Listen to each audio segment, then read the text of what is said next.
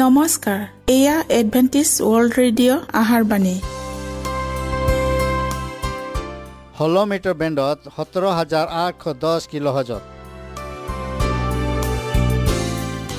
Adventist world radio যোগে অসমীয়া ভাষাত প্ৰচাৰিত আহাৰবাণী প্ৰত্যেক বুধবাৰ আৰু দেওবাৰ সন্ধিয়া সাত বজাত আহাৰবাণী শুনাৰ পিছত আপোনালোকৰ কিবা মন্তব্য আৰু প্ৰশ্ন থাকিলে আমালৈ এই ঠিকনাত লিখক। আমাৰ ঠিকনাটি হৈছে Adventist world radio' seven day Adventist মণ্ডলী অসম শাখা লতাকাটা বশিষ্ঠ গুৱাহাটী সাত আঠ এক শূন্য দুই ন।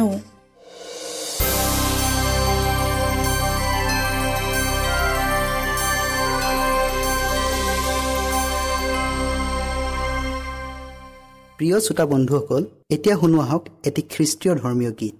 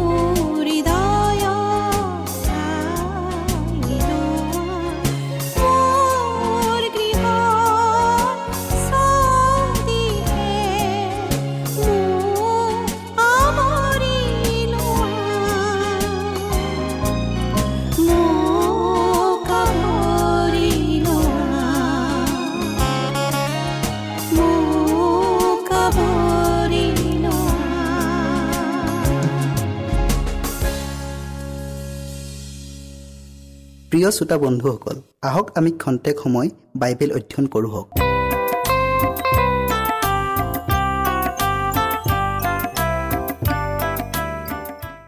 আজিৰ আমাৰ বিষয়টি হ'ল আত্মা গৌৰৱ আৰু অহংকাৰৰ কোনো স্থান নাই। প্ৰথম কৰিন্তীয়া চৈধ্য অধ্যায়ৰ চল্লিছ পদ। কিন্তু সকলো কৰ্ম সুন্দৰকৈ আৰু শৃংখলা লগাই কৰা হওক। আমি প্ৰাৰ্থনা কৰোঁ হওক। হে প্ৰেমময় আৰু আশীৰ্বাদদাতা পিতা তোমাৰ চৰণত আকৌ আমি পৰিছোঁ।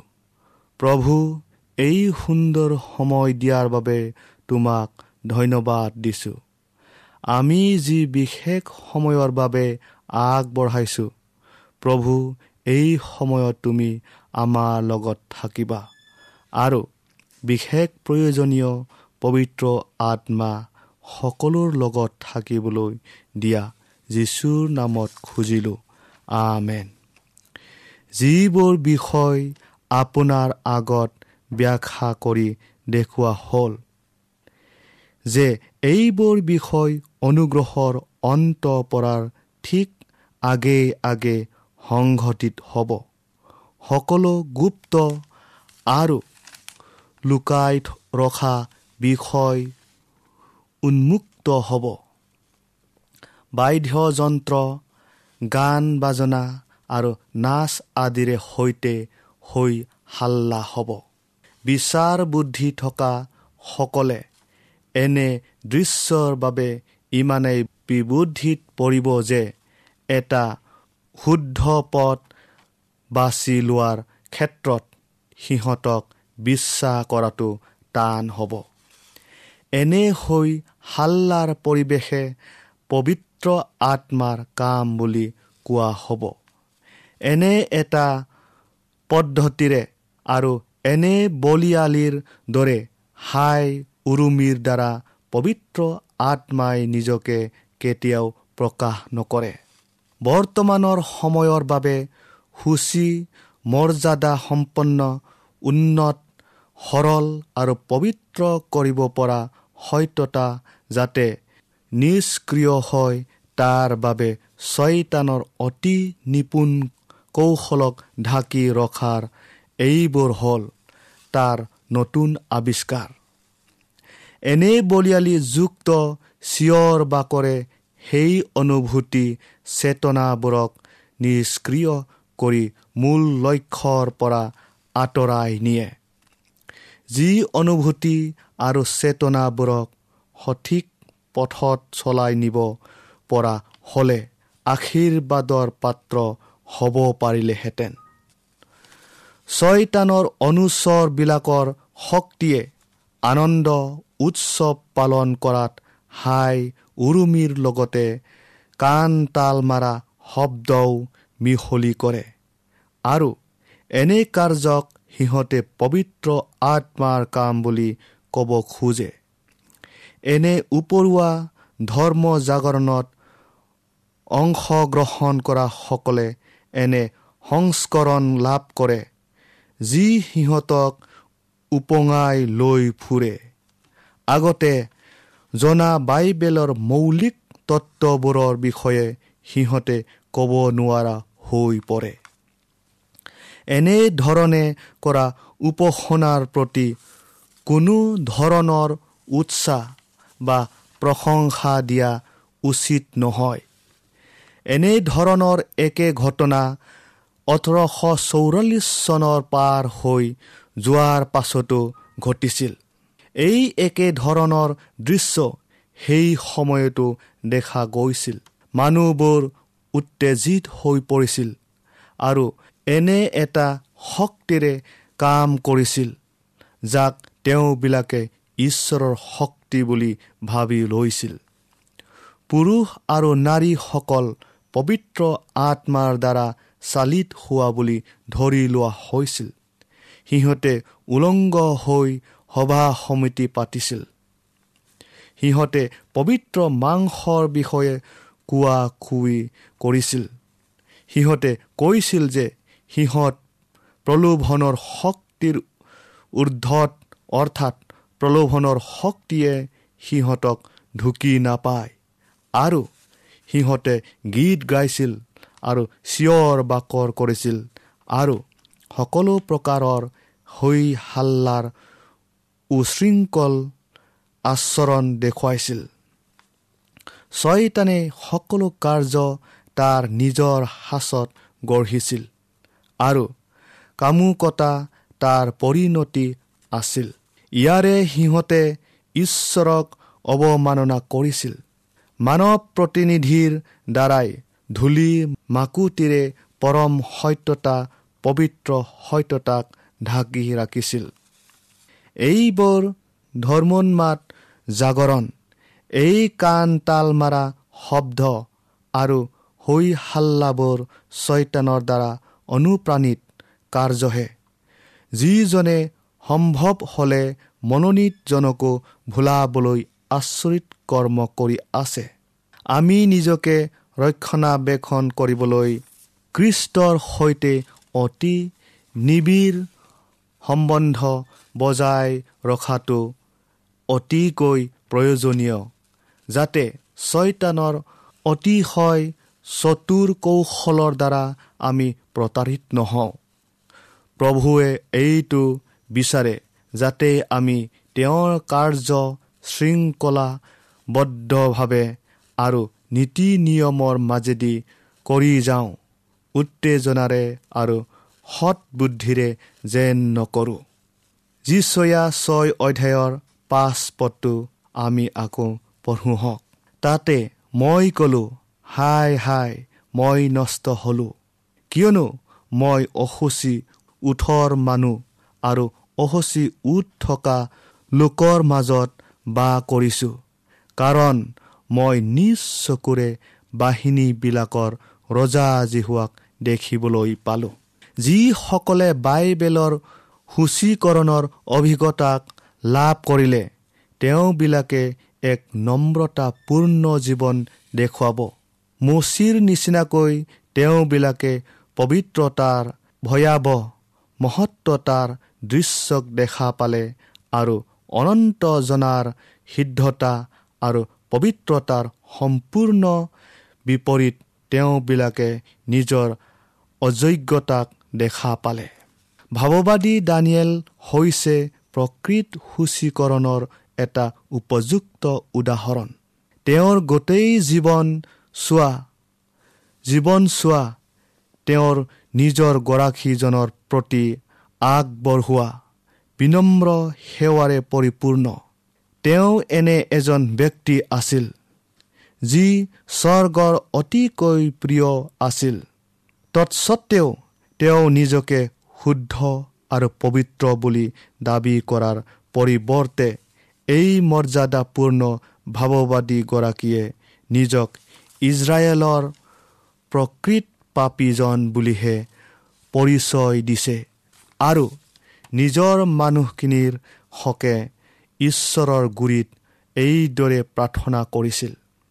আমাৰ ধাৰ্ম ধাৰ্মিকতাৰ কাৰণে নহয় কিন্তু তোমাৰ অধিক অনুগ্ৰহৰ কাৰণেহে আমি তোমাৰ আগত আমাৰ বিনয় বাক্য উপস্থিত কৰিছোঁ। সেই আমাৰ প্ৰভু ঈশ্বৰ আমি পাপ কৰিলোঁ আমি দুষ্কৰ্ম কৰিলোঁ আৰু তেওঁ এইদৰে ঘোষণা কৰিছিল মই কথা কৈ প্ৰাৰ্থনা কৰি নিজ পাপ আৰু স্বজাতীয় ইজৰাইল লোকৰ পাপ স্বীকাৰ কৰিছিলোঁ। প্ৰিয় শ্ৰোতাসকল ঘূৰ্ণী বতাহৰ মাজত যেতিয়া ইয়োবে ঈশ্বৰৰ মাত শুনিছিল তেওঁ এইদৰে চিঞৰি কৈছিল মই নিজকে ঘৃণাইছোঁ ধূলি আৰু ছাইত বহি খেদ কৰিছোঁ। যেতিয়া যিচয়াই ঈশ্বৰ যি সোৱাদ মহিমাৰ প্ৰতাপ দেখিছিল আৰু পবিত্ৰ বাহিনীবিলাকৰ জিহুৱা বুলি কোৱা চিৰাপবিলাকৰ মাত শুনিছিল তেতিয়া তেওঁ কান্দি উঠিছিল হাই হাই মই নষ্ট হ'লোঁ। কিয়নো মই অসুচী ওঠৰ মানুহ। স্বৰ্গলৈ উঠাই নিয়াৰ পাছত যেতিয়া পৌলে কোনো মানুহে উচ্চাৰণ কৰিব নোৱাৰা মাত শুনিছিল তেতিয়া পৌলে এইদৰে কৈছিল মই সকলো সাধুতকৈ সৰু। সেইজন যীশুৰ অতি প্ৰিয় জোখন আছিল যি নিজৰ মূৰটোক তেওঁৰ বুকুত থৈ বহিছিল আৰু যেতিয়া তেওঁ তেওঁৰ মহিমা দেখিছিল তেতিয়া তেওঁ মৃত্যু মানুহৰ দৰে স্বৰ্গদূত এজনৰ ভৰিত উবৰি হৈ পৰি আছিল। প্ৰিয় শ্ৰোতা বন্ধুসকল পাপৰ পৰা স্বাধীন হ'বলৈ কোনো ধৰণৰ আত্মা প্ৰশংসা কোনো ধৰণৰ অহংকাৰী দাবী কৰাৰ প্ৰয়োজন নাই। যিসকলে সেই কালবাৰীৰ ক্ৰুচৰ ছত্ৰ ছায়াত কোচ কাঢ়িছে। সেইসকলৰ বাবে এনে আচৰণ লজ্জাজনক। তেওঁবিলাকে অনুভৱ কৰে যে ঈশ্বৰৰ পুত্ৰজন যে ইমান নিষ্ঠুৰ আৰু অসহনীয় দুখ লাঞ্চনাৰে মৰিব লগা হ'ল সেয়া একমাত্ৰ তেওঁবিলাকৰ পাপৰ বাবেহে। আৰু এনে চিন্তাই তেওঁবিলাকক আত্মা অনুশোচনা কৰিবলৈ বাধ্য কৰাব। যিসকলে যীশুৰ নিচেই কাষত থাকি জীৱন নিৰ্বাহ কৰে তেওঁবিলাকে মানুহৰ পাপ মতিক আৰু দৌৰ্বল্যতাক অতি স্পষ্টকৈ বুজি পায় আৰু তেওঁবিলাকৰ একমাত্ৰ আশাৰ তল হৈছে ক্ৰুচবিদ আৰু পুনৰুত্থিত ত্ৰাণকৰ্তাজনাৰ সামৰ্থতা আৰু যোগ্যতাৰ ওপৰত ঈশ্বৰে আপোনালোকক আশীৰ্বাদ কৰক।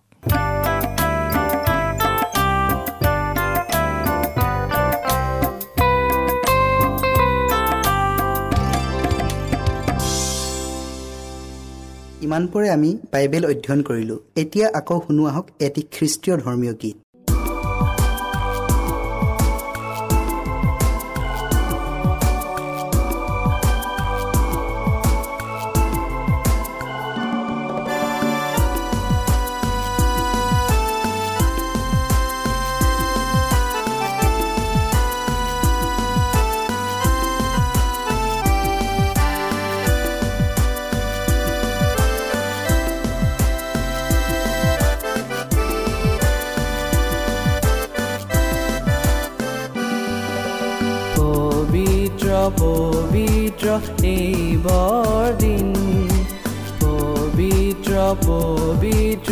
এই বৰদিন।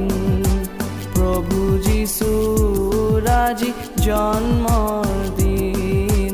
প্ৰভু যীশু ৰাজি জন্মৰ দিন। ভাই ভনী সকলোৱে মিলি গীত গাওঁ। ভাই ভনী সকলোৱে মিলি গীত গাওঁ।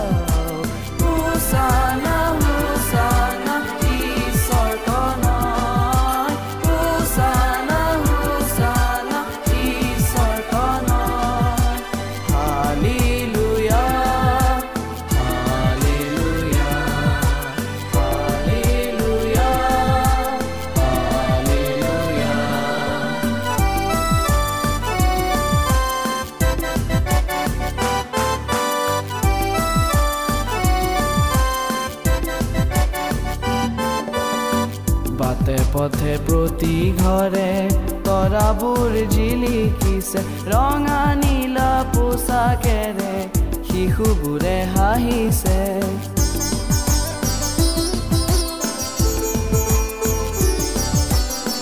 বাটে পথে প্ৰতি ঘৰে তৰাবোৰ জিলিকিছে ৰঙা নীলা পোচাকেৰে শিশুবোৰে হাঁহিছে পুলকতে নাচে প্ৰাণ।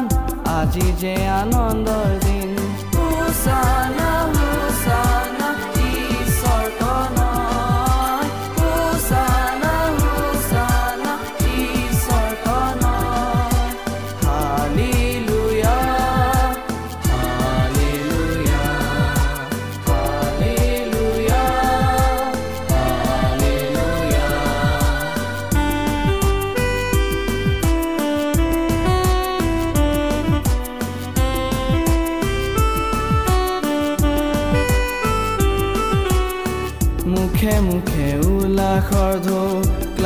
ক্লান্তিৰ অৱসান প্ৰীতিৰ লগ বৰষে প্ৰেমৰ আলিংগন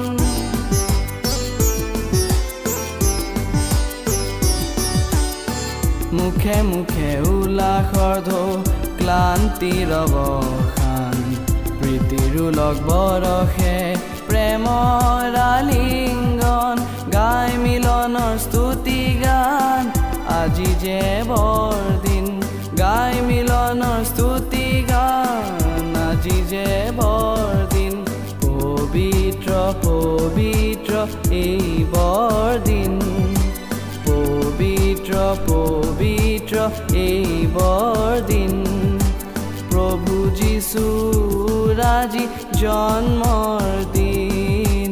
প্ৰভু যীশুৰ আজি জন্মৰ দিন। ভাই ভনী সকলোৱে মিলি গীত গাওঁ। ভাই ভনী সকলোৱে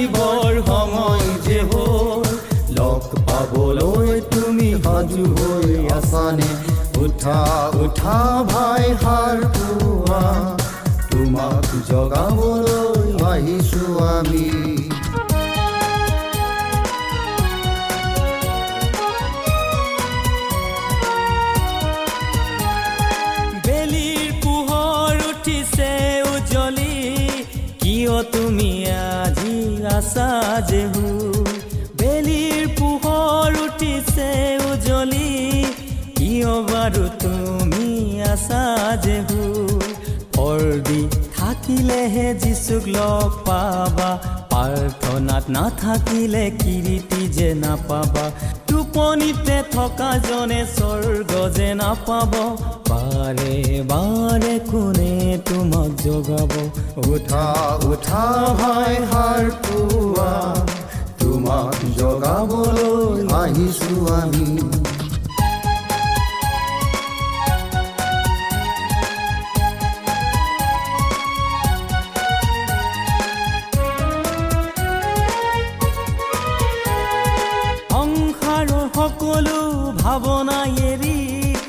যিচুৰ কাষলৈ আহা চাপি সংসাৰৰ সকলো ভাৱনা এৰি যিচুৰ কাষলৈ আহা চাপি যিজন নাহিব ৰক্ষা যে নাপাব ৰক্ষা পোৱাজনে জীৱন পাব।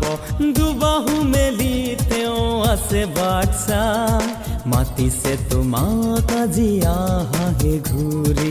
উঠা উঠা ভাই হাৰ পুৱা তোমাক জগাবলৈ আহিছো আমি। উঠা উঠা ভাই হাৰ পুৱা তোমাক জগাবলৈ আহিছো আমি। উঠা উঠা ভাই হাৰ পুৱা